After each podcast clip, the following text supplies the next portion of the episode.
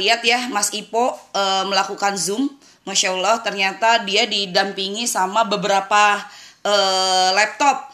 Ya memang ternyata untuk ngezoom itu kita butuh uh, prepare banget teman-teman, masya Allah.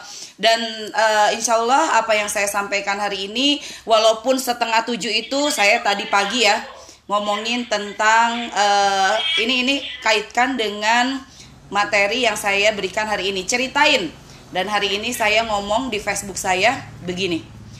Sungguh tidak mudah loh konsisten ngezoom setiap jam setengah tujuh pagi. Ya, sebentar. Eh, ke mana ini ya? Bentar, bentar. Ini adalah salah satu teknik uh, bercerita di Facebook. Apa pun diceritakan.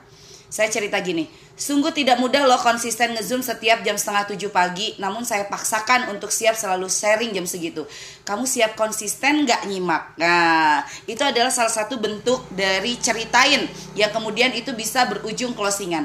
Lalu kemudian saya cerita kemarin. Per hari ini penyapu jalan di lingkungan sekitar saya Dilibatkan karyawan. Mereka bertugas 15 menit menjelang pulang kerja. Insya Allah jadi amal jariah buat mereka. Teman-teman Masya Allah kalau kita ngomongin tentang ceritain lalu closingin, apa saja sebetulnya bisa diceritakan. Tidak perlu yang namanya itu saya takut teh kalau mau cerita ini, saya khawatir teh kalau mau cerita yang satu ini, kemudian ada orang yang tersinggung. Tidak bisa teman-teman, karena kalau konsep daripada yang saya akan bahas hari ini adalah tentang ceritain lalu closingin, itu adalah bagaimana teman-teman itu bisa membangun yang namanya itu sosial medianya itu menjadi lumbung untuk interaksi dan closingan.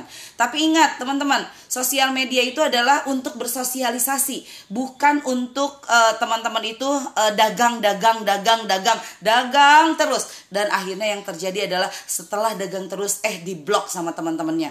Ya, banyak sekali orang-orang yang beralih dari Facebook karena mereka itu jenuh dengan Facebook yang di sana itu akun-akunnya pada dagang. Ya memang karena proses untuk berdagang di Facebook itu adalah bukan untuk uh, berdagang, tapi bagaimana dagangnya itu dikemas dalam bentuk tulisan yang menarik. Ya, ini yang akan saya dicerit akan saya uh, share di sini. Saya ngambil uh, inspirasinya itu dari buku saya. Tadi Ami bilang bahwa Indari uh, Teh Indari itu adalah penulis. Ya memang, saya penulis buku. Saya penulis buku dari tahun 2004 dan saya penulis uh, artikel dari tahun 96. Mungkin di sini ada yang dengerin saya, mungkin udah cocok jadi anak saya ya. 96 saya masih satu SMA Ya, mungkin di sini ada yang 96 baru lahir, masya Allah. Tapi kita dipersatukan dengan Zoom seperti ini. Jadi teman-teman, yang saya bahas hari ini adalah uh, saya ambil dari buku saya ceritain lalu closingin, di mana materi yang akan kita bahas. Yang pertama adalah kenapa di Facebook itu harus pakai pola bercerita. Nah itu ada nih kelas 96 saya baru kelas 1 SD Nah Masya Allah adik saya banget atau anak saya ini Ya Masya Allah Jadi pola bercerita itu adalah sesuatu yang penting. Makanya muncullah beberapa teknik uh, yang diciptakan oleh para mastah Ya misalnya ada copywriting, kemudian ada cover selling, kemudian ada storytelling dan kemudian ada hard selling, kemudian ada lagi ya sikap-sikap yang harus eh apa pola-pola tulisan yang lainnya yang diciptakan oleh mereka yang mereka berpikir bahwa iya Facebook tempat untuk bersosialisasi, tetapi boleh dong ya kalau saya tetap melakukan eh, penawaran di Facebook boleh bukan tidak boleh di Facebook itu Anda melakukan penawaran. Saya juga melakukan penawaran kok di Facebook. Tapi yang saya lakukan tetap saya memperbanyak cerita. Ya, di sini di Facebook saya uh, saya juga promo. Masya Allah, promo siap banjir orderan terakhir hari ini ya. Siapa yang mau bukunya cung? Dan biasanya kalau kita ngomongin tentang iklan di Facebook, jauh lebih sedikit interaksinya dibandingkan kita ngomongin tentang yang lainnya. Ngomongin tentang anak yang like dan komen banyak. Kemudian yang ngomongin tentang keseharian kita yang like dan komen banyak tetapi kalau ngomongin iklan langsung krik krik krik artinya nggak boleh dong teh kalau kita beriklan. Boleh tetapi 90% yang harus kita lakukan adalah tetap bercerita. Ya saya ini judul lagi. Jualan buku masih dianggap nggak asik padahal asiknya nggak kira-kira dan bikin edik. Kemudian sepakat teh sepaket teh. Pokoknya mah e, langsung pada uh, apa namanya tuh uh, komen di sana. Tapi kalau ngomongin buku, siapa yang mau buku uh, buku saya 100 ribu misalnya langsung sepi orderannya. Tapi bukan berarti bahwa kita tidak beriklan loh. Tetap saja karena konsep untuk menyetatus di Facebook itu ada dua. Yang pertama adalah inspiring, yang kedua adalah offering. Inspiringnya harus jalan, offeringnya juga harus jalan. Ya. Pertanyaannya kemudian adalah, teh apa yang harus diceritakan di Facebook? Ya apa sih yang harus diceritakan di Facebook? Tentu saja semua bisa diceritakan sepanjang bahwa itu sesuatu yang positif. Ya.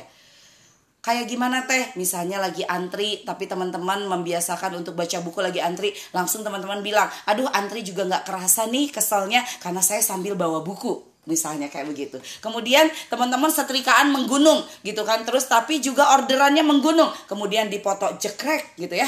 Terus dipoto setrikaan menggunung, orderan menggunung, mana duluan nih yang mau dikerjain. Nah, itu adalah pola-pola bercerita yang seru banget kalau Anda lakukan di Facebook. Jadi jangan pernah Anda itu merasa bahwa Facebook itu saya kalau mau ceritain malu ah, saya kalau mau cerita di Facebook ah takut orang gak happy gitu takut, khawatir, belum juga diposting, itu akan bikin Anda terhambat untuk membuat Facebook Anda berinteraksi terus.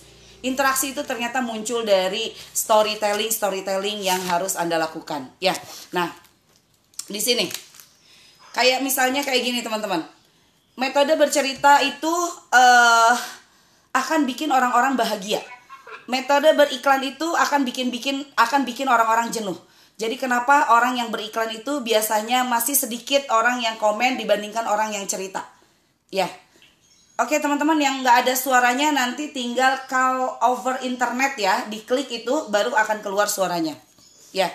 Nah, jadi teman-teman penting banget teman-teman itu melakukan uh, cerita. Cerita itu membangun branding teman-teman. Orang itu harus tahu, orang itu melakukan transaksi dengan kita karena sebetulnya dia itu kenal dengan kita. Ya orang kenal dengan kita itu maka dia akan percaya untuk bertransaksi dengan kita. Jadi jangan pernah teman-teman tuh bilang seperti ini. Teh saya tuh ya udah posting di Facebook tapi saya tuh ngerasa nggak ada closingan tuh. Teh saya tuh posting-posting di Facebook, jualan di Facebook, tapi saya itu ngerasa bahwa mereka yang jadi friendly saya tidak memperhatikan saya. Ya, di Facebook satu hal lagi yang harus Anda lakukan adalah jadi orang yang perhatian, bukan sekedar posting-posting. Tadi postingannya udah nih, posting terus setiap hari, cerita terus setiap hari. Tapi belum tentu loh teman-teman, orang yang ada di sebelah sana itu membaca postingan Anda. Kalau Anda sendiri juga tidak pernah memberikan kepa perhatian kepada mereka. Jadi, ketika Anda posting-posting, sekaligus di situ juga Anda membangun interaksi dengan mereka. Salah satunya adalah dengan melakukan yang namanya itu olok one like, one comment sama uh, friendlist friendlist Anda. Jadi penting kalau di pasukan saya, di pasukan 10 juta, mereka setiap hari itu melakukan yang namanya itu target olok minimal 25 akun diolok, di like dan di komen. Mereka yang di like dan di komen oleh kita, kemudian mereka akan memperhatikan kita. Mereka akan baca storynya kita. Bisa jadi orang itu kemudian tidak membalas atau tidak melakukan like, komen di status kita bukan karena story kita itu tidak menyenangkan untuk mereka bukan karena story anda itu kemudian uh, bikin mereka eh, nggak uh, happy tapi mungkin tidak muncul di beranda mereka jadi postingan itu harus ditambah dengan interaksinya juga Nah, itulah yang namanya sosial media, media untuk bersosialisasi. Jangan pernah Anda minta bahwa postingan Anda akan diperhatikan sama orang kalau Anda sendiri juga tidak memperhatikan orang. Ya, teman-teman. Jadi kunci sukses di Facebook itu sebetulnya di Facebook ataupun di media sosial yang media sosial yang lain adalah Anda harus memberikan perhatian kepada jaringan pertemanan Anda. Ya, sudah siap melakukannya belum?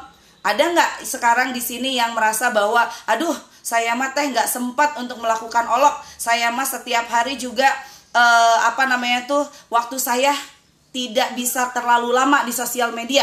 Yang harus saya lakukan ternyata harus olok.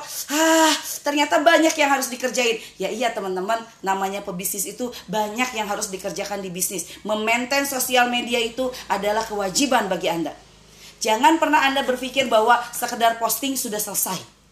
Ya, tidak ada posting, posting, posting, kemudian rame postingannya, itu nggak ada posting posting posting posting interaksi interaksi interaksi yang terjadi adalah baru deh kemudian yang terjadi saling memperhatikan satu sama lain ya teman-teman memperhatikan satu sama lain. Ya, jadi kalau misalnya sudah ada perhatiannya sudah uh, sudah bagus, maka kemudian ketika Anda posting promo, bep, banyak sekali yang kemudian bertanya, "Saya mau ini, saya mau itu, saya mau dong teh yang ini." Kenapa? Karena mereka sudah dimanjakan sama perhatian Anda dan sudah dimanjakan sama cerita Anda. Ya, cerita, storytelling. Jangan pernah takut untuk menceritakan apa yang kita kerjakan saya misalnya lagi ngezoom kayak gini, saya screenshot, kemudian nanti saya akan uh, posting di sosial media. Ada nggak yang ngikutin zoom saya hari ini? Ya, atau misalnya saya lagi uh, kayak begini ya, terus kemudian ada uh, foto saya saya screenshot saya yang lagi manyun. Ya Allah ternyata lagi ngezoom itu udah beneran deh nggak bisa uh, lihat wajah ini jelek atau bagus. Yang penting ngomong aja. Nah itu adalah bentuk bercerita. Jadi ternyata apa pun yang kita lakukan uh, dalam keseharian kita boleh diceritakan. Ya. Teh saya ini pemula. Bagaimana saya memulai cerita saya? Nah saya buka halaman 25 teman-teman. Ya Teman-teman saya mau bacakan ini dulu saya belum punya teknik di Facebook. Saya sendiri juga dulu Facebooknya rame banget. Eh sorry, nggak rame banget gitu ya. Karena saya dulu posting, posting, posting, posting, tapi saya tidak membangun interaksi. Tapi terus aja saya posting, posting. Ya, jadi kayak gini. Kalau saya baru memulai bisnis bisa nggak teh saya melakukan storytelling katanya. Kalau saya memulai status dari status keseharian boleh, justru saya anjurkan jadi nggak usah khawatiran ya teh, biar di friend list kita itu seperti keluarga. Iya, Ya, jadi mereka yang terlalu khawatir ketika mau menyetatus itu yang menghambat status-statusnya. Ada nggak di sini yang nyetatus kemudian delete lagi, mau nyetatus ngetik delete lagi, mau nyetatus ngetik delete lagi. Nah itu karena apa? Karena terlalu khawatir. Bahkan mungkin di kepala kita ya, di kepala kita itu berpikir bahwa tulisan kita itu harus sekeren masta-masta yang di sana. Maka kita ngulik terus tulisannya, tapi nggak jadi diposting-posting. Ya, tuh kan akhirnya nggak jadi posting.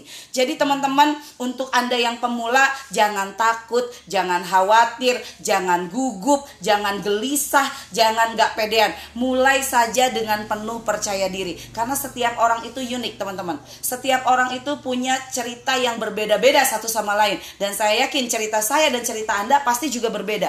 Maka ketika postingan di Facebook itu adalah sesuai dengan cerita kita masing-masing, pasti itu menjadi lebih menyenangkan untuk orang baca. Ya, karena ceritanya dan cerita cerita dia dan cerita saya berbeda, maka saya senang membaca cerita orang lain. Ya, boleh nggak ceritanya masih pendek-pendek? Kata Mbak Niswatul ya, boleh. Ya, boleh banget ceritanya pendek-pendek. Ini salah satu contoh yang saya lakukan. Sore eh, sedang menyelesaikan konten SMS sambil memikirkan konten website yang menarik untuk jaring pembaca remaja. Harus kreatif tentunya. Ya. Kemudian ada lagi, happy banget dikunjungi sama sobat yang udah bertahun-tahun gak ketemu. Begitu ketemu udah pada punya buntut, obrolan gak lain mengenang masa lalu. Tapi penyakit dagang tetap kumat. Jadi weh sambil promosi, si sobat pun beli baju dan buku. Ya, Masya Allah teman-teman. Itu pendek banget tulisannya apa yang menjadi keseharian kita kemudian kita tuliskan di status Facebook. Makin lama orang makin kenal sama kita. Ya, cerita tentang kita memakai produk juga bisa, bisa banget. Makanya nih saran buat teman-teman yang sering uh, apa ya, mentok perbanyak punya uh, punya foto. Apa yang ada di uh, sudut-sudut rumah kita fotoin. Ada foto uh, apa namanya tuh dapur, ada foto teras, ada foto apa, pokoknya perbanyak foto. Karena bisa jadi foto itu menjadi bank ide Anda untuk menulis status. Percaya deh. Ya, ini ide dari saya. Perbanyak foto di handphone, semuanya di uh, fotoin. Nanti kalau lagi nggak punya ide, yang harus anda lakukan adalah lihat foto-foto di Facebook. Eh sorry di handphone. Oh ini bisa nih dijadiin foto, eh dijadiin status, sangat boleh. Kemudian ada lagi foto uh, yang yang uh, status pendek saya ini untuk inspirasi teman-teman. Bentar lagi eh rehat dulu meeting rehat dulu meeting tahunan. Bentar lagi melanjut. Alhamdulillah belajar dari pengalaman tahun ini. Tahun 2010 harus lebih baik. Ih, lihat. Facebooknya ini berarti tahun 2009. Dan saya sudah menggunakan teknik bercerita. Tahun 2010 harus lebih baik. Tahu nggak teman-teman? Tahun 2009 ini yang nge-like cuma satu, yang komen cuma satu. Ya, tapi saya terus aja lakukan saya nggak gini aduh nggak ada yang like dan nggak ada yang komen ya udahlah saya emang nggak mau ah pakai Facebook nggak gitu saya terus aja nulis nulis status pendek-pendek nulis status terus sampai kemudian naik teman-teman ini naik di penghujung tahun menerima belas, balasan surat dari coaching internasional untuk bekerja sama dengan Inscript Kreatif.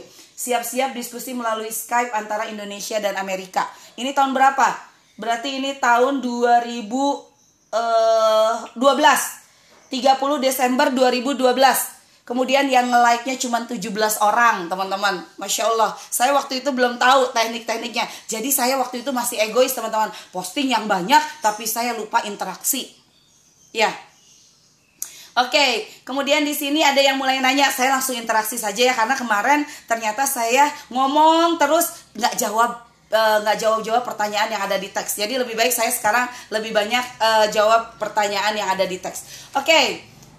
Kemudian assalamualaikum teh. Terima kasih banget motivasinya setiap pagi jazakillah khairan. Mau tanya teh kalau bercerita setiap aktivitas kita di medsos apa nggak mengundang kejahatan? Sering banget dengar berita kriminal yang bobol rumah atau melakukan kejahatan karena terlalu sering bercerita aktivitas di rumahnya. Misal cerita lagi mudik, eh dibebol tuh rumahnya. Nauzubillah. Mestinya yang kita ceritain yang aman gimana? Ya yang aman yang seperti itu yang tadi saya ceritain aktivitas kita kita juga nggak perlu cerita bahwa kita lagi pergi ke mana. Boleh sesekali tapi kalau misalnya masih khawatir seperti itu ya jangan diceritakan. Ceritakan aktivitas kita. Lagi nyetrika sambil chatan boleh diceritain. Nih kayak saya nih ya meeting tahunan bentar lagi melanjut. Alhamdulillah belajar dari pengalaman tahun ini. Tahun 2010 harus lebih baik. Walaupun nggak ada yang like walaupun nggak ada yang komen lanjut terus. Ya yang penting adalah kita posting untuk kebaikan. Ada lagi nih, ya lucu deh. Ini tahun-tahun tahun dulu ya, saya nggak ngerti tentang Facebook. Bersiap menuju Hotel Horizon menghadiri pertemuan para penulis, menimba ilmu lagi-lagi dan lagi. Berapa coba yang nge-like? Cuma tujuh. Ya, tapi itu tidak membuat semangat saya pupus. Ya, terus aja saya bikin yang namanya storytelling, storytelling, storytelling. Di sini ada contoh-contohnya. Ada lagi teman-teman lucu deh saya kalau lihat yang dulu-dulu ya. Kayaknya saya pede banget walaupun gak ada yang like tetap aja gitu ya saya uh, nyetatus. Ketika saya sudah melakukan banyak hal untuk mencapai sesuatu uh, tapi tidak bisa mencapainya maka saya begitu percaya pada saat itu Allah meminta saya berpikir sudah siapkah mendapatkannya? Sudah pantaskah mencapainya? Yakin bahwa Allah akan memberikan rezeki dan mengabulkan doa serta mewujudkan ikhtiar kita pada waktu dan kondisi yang tepat Selamat tahun baru 2013. Semoga tahun depan lebih baik untuk kita semua. Ini saya juga belum ngerti bahwa olok itu penting. One like, one comment, dan perhatian ke teman yang lain. Tahu nggak berapa yang nge-like saat ini? Yang nge-like cuma 8 orang dan kemudian yang komen cuma dua orang. Masya Allah, teman-teman. Ya, Artinya, status kita yang bagus ketika tidak mendapatkan like dan komen bukan berarti bahwa itu statusnya orang gak suka. Tapi mungkin karena kita tidak muncul statusnya di beranda teman. Karena sekarang Facebook itu sudah semakin ketat banget. Mereka yang berinteraksi, maka mereka akan mendapatkan interaksi dari yang lainnya. Jadi hati-hati teman-teman yang saat ini bilang bahwa nggak ada yang like dan komen, mungkin teman-teman juga tidak pernah like dan komen. Dan ini sudah saya saya alami sendiri. Saya sudah mengakui bahwa ternyata saya itu dulu kurang perhatian. Jadi saya fokus pada uh, postingan saya sendiri tapi tidak fokus pada postingan orang lain yang seharusnya saya hargai dengan like dan komen untuk mereka. Ya, masya Allah. Ya, jadi kalau misalnya mau diceritain, silahkan senyamannya saja. Kalau masih ada khawatir, aduh saya mau ngomong nih, saya lagi liburan, ah nggak usah ah, takut ada yang datang ke rumah saya tanpa diundang. Oke, ngomonginnya yang lain aja. Yang penting adalah itu positif. Oke, dari Mbak Tia. Teh, misal kita buat status niatnya mau ngedukasi tapi malah sering banyak yang kesindir tiba-tiba banyak yang inbox. Apa ini maksudnya nyindir aku? Gimana cara nanggapinnya? Ya, bilang aja memang enggak. Ya, harus berani untuk bilang enggak jangan pula takut kita kemudian mau bikin status aduh takut eh kalau saya bikin status ini kemudian banyak yang merasa kesindir nggak usah sepanjang bahwa kita merasa bahwa yang kita sharingkan itu adalah bernilai kebaikan dan itu adalah pengalaman kita sharingkan saja ya oke okay. Ada Mbak Naila, nyimak sambil buka guidance book, ceritain lalu closingin. Oke, okay. Masya Allah. Teh, gimana sih ngadepin komen keluarga kalau kita cerita di Facebook suka dibilang alay karena tidak terbiasa, teman-teman. Waktu saya melakukan buku uh, apa menulis buku yang namanya itu buku hard selling, menulis dari baperannya perempuan, itu banyak sekali teman-teman yang kemudian mengikuti itu, lalu kemudian banyak keluarganya yang bilang, "Kenapa kok kamu sekarang jadi alay ya?" Ya, Kenapa sih kamu sekarang banyak menceritakan uh, tentang diri kamu sendiri atau aktivitas kamu? Nggak usah lah kayak gitu diposting di sosial media. Biasanya yang ngomong seperti itu karena dia tidak terbiasa untuk terbuka di sosial media. Ya, namanya sosial media, media untuk bersosialisasi. Orang pengen kenal dong sama kita. Ya, kalau orang nggak kenal sama kita, mana mau dia transaksi dengan kita. Ini yang dimaksud dengan postingan langsung closing itu ketika dia kita kemudian posting, orang sudah kenal sama kita, insya Allah langsung closing. Kalau kita posting tidak closing, kita harus introspeksi diri. Jangan-jangan orang nggak percaya untuk transaksi dengan kita. Ya, jadi nggak apa-apa Mbak Arisa, eh, Mbak Arisa ya Mbak Arisa, kalau keluarga ada yang bilang alay, bilang aja bahwa saya lagi belajar bagaimana Facebook saya itu semakin hidup. Oke, okay. ya teh benar punya koleksi foto biar buat mancing ide, betul. Modal utama PD, betul PD teman-teman, masya Allah. Ya, kalau teman-teman nggak pede, mau cerita apa pun takut, mau cerita apa pun khawatir, mau cerita apa pun takut dibilang ria. Bahkan ada gini, di sosial media banyak orang pede untuk cerita hal-hal yang jelek ya itu trafficnya bagus banget. Hal-hal yang jelek apa hoax lah atau apa atau fitnah lah atau gibah itu bagus banget yang interaksinya. Ternyata orang-orang yang mau posting kebaikan malah takut. Posting tentang sedekah takut dibilang ria. Posting tentang nolong orang ah kamu mah pamer. Posting tentang ini jangan. Ayo kita libas postingan-postingan yang negatif sama postingan-postingan yang positif ya harus memperbanyak postingan yang positif sehingga akhirnya orang berinteraksi dengan kita untuk postingan yang positif. Oke, kemudian sehari nyetatus minimal berapa kali haruskah pakai moder, uh, metode storytelling? Storytelling itu jangan dianggap harus panjang. Storytelling itu pendek-pendek juga nggak apa-apa, ya. Nah, kemudian berapa kali? Terserah teman-teman mau berapa kali, ya. Kalau mau kayak Twitter boleh nggak teh? Saya pernah pakai metode seperti itu. Terserah, silahkan. Yang penting adalah PD. Yang penting adalah teman-teman konsisten. Misalnya saya mau dua kali dalam satu hari, konsisten dua hari dalam eh, satu hari dua kali. Saya mau lima kali teh boleh nggak? Boleh. Saya mau sepuluh kali boleh kak? Boleh. Yang penting konsistennya dijaga.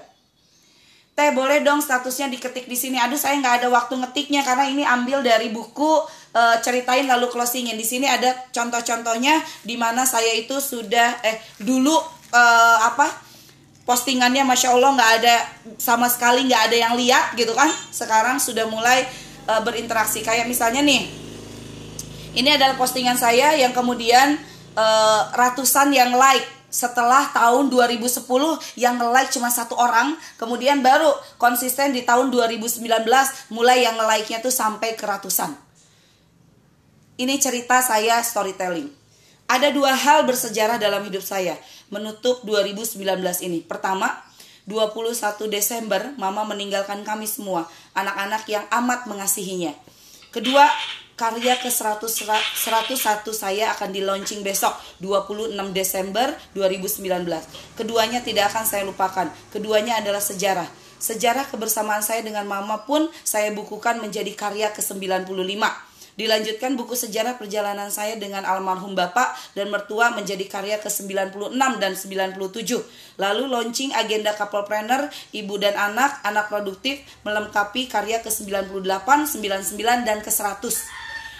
Target karya ke-100 terlampaui dengan karya 101 dengan judul Omset 100 juta cuma dari WA. Hanya Allah yang maha memberi kesempatan hingga sejauh ini saya bisa berkarya melalui tulisan. Insya Allah buku dengan nama Guidance Book ini sangat aplikatif untuk dijadikan panduan mencapai omset 100 juta Anda. Bismillah. Mohon doanya 2020 itu berarti menutup 2019. Saya akan semakin produktif dan menulis buku yang bermanfaat bagi uh, sesama perempuan. Because I love you so much. U-nya banyak. U-nya, U-nya banyak. Dan hasilnya mulai dari doa, mulai ada yang pesan buku dan lain-lain. sekali posting langsung closing. Ternyata itu caranya dengan sederhana, bercerita. Ya, teman-teman. Oke, okay. Cerita yang lagi ramai di publik macam politik boleh nggak teh? Saya tidak rekomen untuk politik. Bukan berarti bahwa kita cerita kemudian kita menceritakan yang sekarang itu lagi hot topic tapi itu negatif. Kalau politik buat saya adalah ranah yang tidak akan saya uh, postingkan di sosial media. Iya, Sarah tidak akan saya postingkan di sosial media. Saya lebih aman dan nyaman mempostingkan pengalaman saya sehari-hari atau pengalaman teman-teman saya yang saya tahu bahwa itu adalah benar. Ya, jadi saya tidak rekomend ya teman-teman ya untuk politik nanti mungkin lagi rame-rame sekarang pilkada atau rame-rame apa terus teman-teman posting-posting tentang itu. Saya tidak rekomend.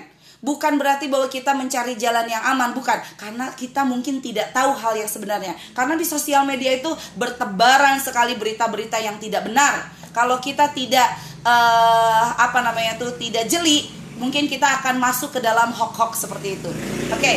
Teh, saya mau tanya, kalau storytelling kita seperti model cerpen boleh nggak? Tidak sesuai kenyataan. Kalau saya sih tidak rekomend ya, nggak usah jadi cerpen. Ya, storytelling kita aja. Teteh, my new role model, masya Allah, suka banget sama cara teteh. Duh, haru aku tuh pengen ketemu, masya Allah. Ini udah ketemu di zoom. Oke. Okay. Teh tanya, kalau kita cerita tentang sedekah dengan jumlah yang wow, dengan maksud untuk membuktikan bahwa dengan punya bisnis kita bisa kasih sedekah lebih, itu boleh nggak? Boleh. Itu etis, itu adalah menginspirasi. Siapa tahu ada uh, teman-teman di friendlist kita yang mungkin dia belum terpikir untuk melakukan sedekah atau memaksakan untuk sedekah. Boleh kalau menurut saya. Asal siap. Kalau ada yang bilang pamer nih ya, ria nih ya. Ya sudah, sepanjang bahwa kita tidak seperti itu, ya sudah, kita mah hanya untuk menginspirasi saja. Memang di sosial media itu harus siap dengan pro dan kontra. Ada yang suka dan ada yang tidak. Terserah yang suka, yang tidak gitu kan. Jangan terlalu di frame dalam lebay gitu kan. Yang tidak suka langsung kita bilang, aduh saya jadi punya haters nih. Ya udahlah, saya nggak mau posting-posting lagi. Nggak usah, Ya, lanjutkan aja sepanjang bahwa itu kebaikan lanjutkan. Teh saya mau nanya, uh, sorry, ada lagi, saya punya pertemanan seribu. Bagaimana cara meningkatkan like dan komentar yang berkisar hanya 50, tapi yang komen hanya 7? Yaitu perhatian sama mereka. Pertemanan yang seribu itu Anda mulai perhatian untuk like dan komen di status mereka. Bukan hanya Anda yang pengen di like dan komen oleh mereka. Tapi Anda pun harus memberikan keperhatian pada mereka. Insya Allah kalau konsisten ya uh, untuk melakukan itu naik kok. Saya pun melakukan itu. Dulu saya yang like 1, 2, 3, 4, 5 paling banyak itu belasan. Sekarang sudah ratusan orang puluhan orang. Karena apa? Karena saya duluan yang memperhatikan mereka. Oke. Okay. Kalau saya tuh teh suka di komen duluan sama suami yang gitu-gitu aja diposting diceritain cenah teh, apalagi kalau sudah pasang foto. Jangan pisan teh, aduh langsung we diem saya teh sama suami diskusi dulu. Boleh nggak ya saya posting yang ini? Karena ada juga suami-suami yang memang mereka itu tidak suka istrinya terlalu uh, banyak posting cerita tentang kesehariannya. Lalu tanyakan pada suami saya boleh cerita yang bagian mana ya? Tapi saya aktif untuk menceritakannya. Karena saya pengen nih seperti yang Teh Indari bilang saya ingin membangun branding saya melalui Facebook. Kan saya penjual online yang katanya gitu ya. Jadi tanya sama suaminya yang boleh rambu-rambunya mana yang boleh dan tidak oke okay, teh makasih sarapannya keren luar biasa teh maaf kadang kalau lagi segala diceritain ke sosmed takut disebut ria nah ini jangan hilangkan dulu takutnya. Yang penting adalah berbagi inspirasi, teman-teman ya. Berbagi inspirasi itu saja tujuannya. Membranding diri itu saja tujuannya. Karena kalau pedagang tanpa branding susah closingnya. Ya, karena mereka tidak tahu siapa Anda. Karena mereka tidak tahu duitnya itu ditransfer ke siapa. Ini saya baru kemarin uh, ada inbox. Teh Indari, punten mohon maaf saya tuh ada di grup ini. Terus kasih foto. Me, uh, membernya ini, kemudian adminnya ini. Teh Indari kenal nggak? Soalnya adminnya itu suka ngomongin promo Teh Indari dan kemudian uh, transfernya harus sana. Ini temennya uh, apa karyawannya Teh Indari bukan? Katanya gitu nanyanya bukan karyawan itu pasukan saya pasukan penjualan saya. Oh mangga kalau gitu saya percaya. Lihat teman-teman dia nggak kenal. Dia cuma lihat di zoom seperti ini. Tapi kemudian ada yang menawarkan bukunya dia ragu karena dia tidak kenal siapa yang menawarkan buku itu. Ya jadi dia nanya dulu. Masya allah teman-teman. Ya oke okay, kemudian Bener banget teh. Saya fokus jualan aja tanpa ada cerita-cerita. Suka nge-like tapi nggak suka komen. Nah Mbak Arisa yang memang sekarang ini sudah uh, punya apa ya Sudah mengaku salah Maka lakukan yang terbaik sekarang. Sekarang harus punya target prioritas. Dalam satu hari nge-like dan komen 50 akun. Siap? Harus siap. Oke. Okay. uh, Kemudian di sini ada lagi pertanyaan teh bisa nggak postingan di Facebook atau IG sama persis? Boleh. Karena memang sudah terintegrasikan. Bahkan WA sama Facebook juga sudah terintegrasikan. Maka sangat boleh. Oke biar sekalian postingannya tapi bosan gak ya? Belum tentu teman kita di Facebook teman kita di IG juga. Makanya tambah terus teman di Facebook tambah terus uh, tambah terus uh, teman di IG jadi dua-duanya mereka tidak uh, melihat postingan yang sama. Ya teh bahkan ada beberapa keluarga yang marahin saya karena postingan yang menurut mereka alay. Lihat lagi. Ya boleh cerita itu kalau misalnya alay banget ya jangan gitu kan. Alay itu karena mereka tidak terbiasa. Ya maka yang harus dilakukan adalah biasakan dan mulai memperbaiki tulisan dari waktu ke waktu. Jadi mungkin ya ada juga yang bilang alay mungkin iya alay lebay gitu kan. Tapi perbaiki bukan berarti bahwa kita kemudian berhenti untuk berlatih seperti itu. Praktekan ya Teh apa perlu mancing komen sama like netizen di Facebook kita? Kita ceritakan keluarga misalnya anak dan suami kita ceritakannya kayak gimana? Ya. Ceritakannya kayak gimana? Ter terserah. Ah, bahkan bisa nih teman-teman uh, tanya sama suami, "Ya, boleh nggak aku posting kayak begini?" Atau rambu-rambunya yang boleh diceritakan karena kita adalah ibu rumah tangga, pasti izin itu datangnya dari suami dulu. Masya Allah. Dulu suamiku begitu teh, sekarang ngapa-ngapain posting ini itu malas men, sekarang mendukung dan minta di tag kalau lagi posting kegiatan. Masya Allah. Artinya dulu suami belum terbiasa. Kalau sekarang suami udah lihat ternyata akun istrinya rame dan uh, uh, dagangan istrinya rame. Langsung istrinya cerita, itu gara-gara di Facebook ya, aku sering cerita. Ya, Teh Indari bilang ceritain aja dulu, baru kemudian closing. Masya Allah. Oke, teh gimana nanggapin teman yang bilang tulisannya sesuai dong sama yang digambar dan aku tulis tentang keagamaan. Aku nggak tahu ya postingannya seperti apa. Yang penting adalah sepanjang bahwa itu uh, sudah merupakan kebaikan, silahkan teman-teman bisa lanjutkan. Uh, mohon maaf, ini pasukan saya yang di uh, tidak boleh komen di uh, di chat ya. Yang mau order uh, guidance book langsung ke chat link ini, nggak boleh karena di sini itu semua pelanggan dari marketer masing-masing. Jadi nanti kalau yang mau uh, buku langsung uh, eh sorry, yang mau buku itu langsung info kepada yang ngasih link ya teman-teman ya. Ya, jadi silahkan undang masing-masing pelanggannya dan order ke masing-masing yang kasih link. Oke, benar nggak sih? Teh pusing kalau ada keluarga ikut komen tapi nggak nyambung dengan postingan dan kalimatnya menjatuhkan. Biarin aja teman-teman jangan ikutan. Karena pasti akan ada seperti itu. Di sosial media Anda harus siap dipuji iya, siap dikritik juga iya. Ya. Oke, teh kita sudah interaksi sama status orang. Gimana cara menawarkan produk jualan kita? Yaitu ada inspiring, ada offering, ada yang menginspirasi, ada penawaran. Tetap ada kok penawarannya. Yang penting adalah, nah seperti yang saya bilang tadi, penawarannya ada. Ya, di sini saya bilang buku ini aplikatif untuk dijadikan panduan mencapai omset 100 juta. Berarti penawarannya juga sebetulnya ada. Ya. Kemudian di sini, nah saya cerita tentang bisnis saya yang lainnya yaitu Kuni Kita. Kemarin-kemarin perusahaan distribusi Kuni Kita memang menggunakan Facebook Ads untuk jualannya. Traffic dari Ads masuk ke WA dan di maintain oleh manajer maintenance kami. Hasilnya very good. Saya sendiri tidak banyak explore produk Kuni Kita karena kemarin-kemarin ngerasa fine-fine saja dengan trafficnya. Tapi tahun 2020 saya akan kombinasikan dengan pola organik. Saya lagi cari distributor yang banyak di seantero Nusantara. Kalau bisa di luar negeri juga. Itu offering. Itu offering ya teman-teman ya. Jadi orang tahu bahwa saya lagi cari distributor. Karena pengen ya semua merasakan gurihnya jualan Xiaomi ini yang repeat ordernya lumayan tinggi. Produk ini best seller kami, terjual 1500 sampai 4000 cup per hari. Ya. Kemudian Alhamdulillah ah beberapa kali posting di status Facebook ketahuan deh kalau beberapa friendlist ternyata penggemar Xiaomi juga. Ya, masya Allah teman-teman. Jadi ceritanya ada, uh, offeringnya juga harus ada. Bagaimana kalau suami nggak ngebolehin posting cerita tentang aktivitas kita di Facebook? Ya jangan. Ya, kalau suami nggak ngebolehin jangan, jangan maksain juga. Mangga saja tinggal komunikasikan dengan suami kira-kira saya bisa posting apa. Oke, kemudian saya suka gatal kalau nggak posting soal politik dan situasi umat sekarang. Padahal katanya nggak boleh punya ada yang takut ada yang tersinggung. Kalau menurut saya janganlah. Ya, sekarang ini lagi rame di TV, di berita, di mana-mana gitu ya. Tapi gitu kan kita jangan ikut-ikutan kalau kita tidak tahu benar ini masalahnya ada di mana. Jangan ya. Kalau mau buka wawasan cukup baca ya. Tapi bukan berarti kita harus memposting juga. Kalau mau posting malah yang harus benar-benar teman-teman uh, yakini bahwa itu adalah kebaikan untuk mereka. Contoh ya misalnya. Misalnya ngomongin kayak gini bu kalau kita lagi dagang kemudian posting yang politik-politik dan kita tidak tahu bahwa postingan itu adalah benar atau tidak lebih baik nggak usah diposting ya bu. Itu juga adalah storytelling.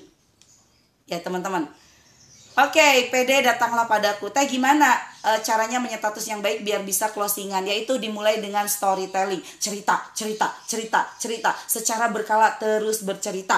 Maka ketika kemudian muncul offering, yang terjadi adalah closing. Kenapa? Karena mereka percaya mereka adalah pembaca daripada cerita-cerita Anda di Facebook. Jadi semua dimulai dari kepercayaan, teman-teman. Kalau nggak ada yang beli karena friendlist Anda belum percaya untuk membeli kepada Anda. Begitu.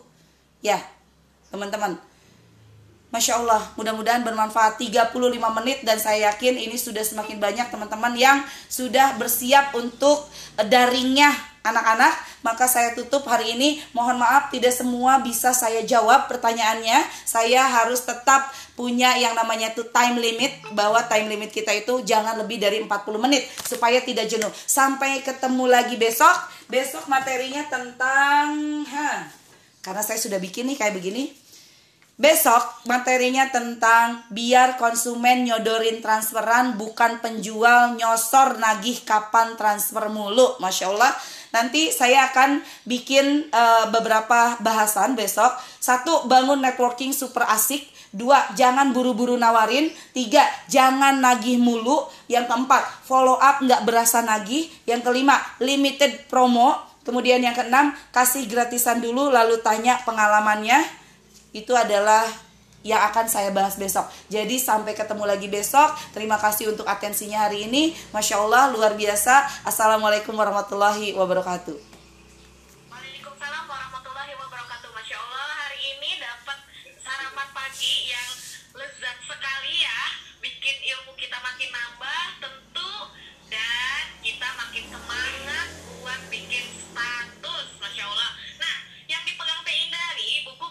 ceritain lalu closingin itu bisa dipesan kepada uh, yang menyebarkan link. Jadi silakan hubungi eh, teman-teman uh, yang menyebarkan linknya ya.